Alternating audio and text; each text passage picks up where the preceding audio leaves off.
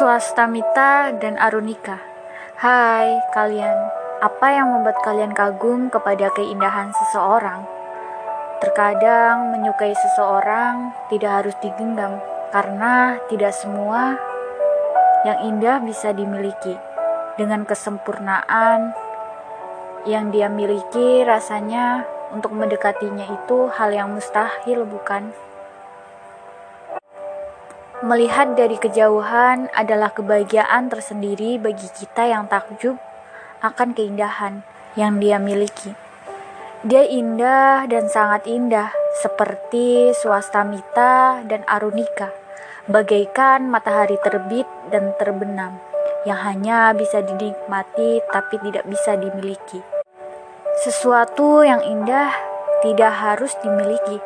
Terkadang sesuatu itu biarkan disimpan di tempat yang pantas agar keindahannya selalu abadi.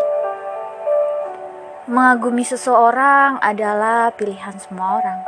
Seiring berjalannya waktu, seseorang lupa akan batasan yang dia miliki. Mereka selalu beranggapan bahwa apa yang mereka lihat indah harus digenggam dengan erat Menggenggamnya dengan erat hanya akan membuat dia lepas secara perlahan. Sesuatu yang berlebihan itu tidak baik, karena apa pun yang ada di muka bumi harus ada takaran masing-masing. Aku pernah mengagumi seseorang, lalu aku terbawa hasrat untuk menggenggamnya dengan begitu erat, namun sesuatu itu pergi menemukan jalannya sendiri. Mengagumimu adalah caraku mencintaimu secara diam-diam. Melihatmu bahagia dengan bahagiamu sendiri merupakan caraku menjaga keindahan yang kamu miliki. Kamu memang seperti Swastamita dan Arunika, sesuatu yang indah namun tak bisa aku sentuh ataupun aku dekap selamanya.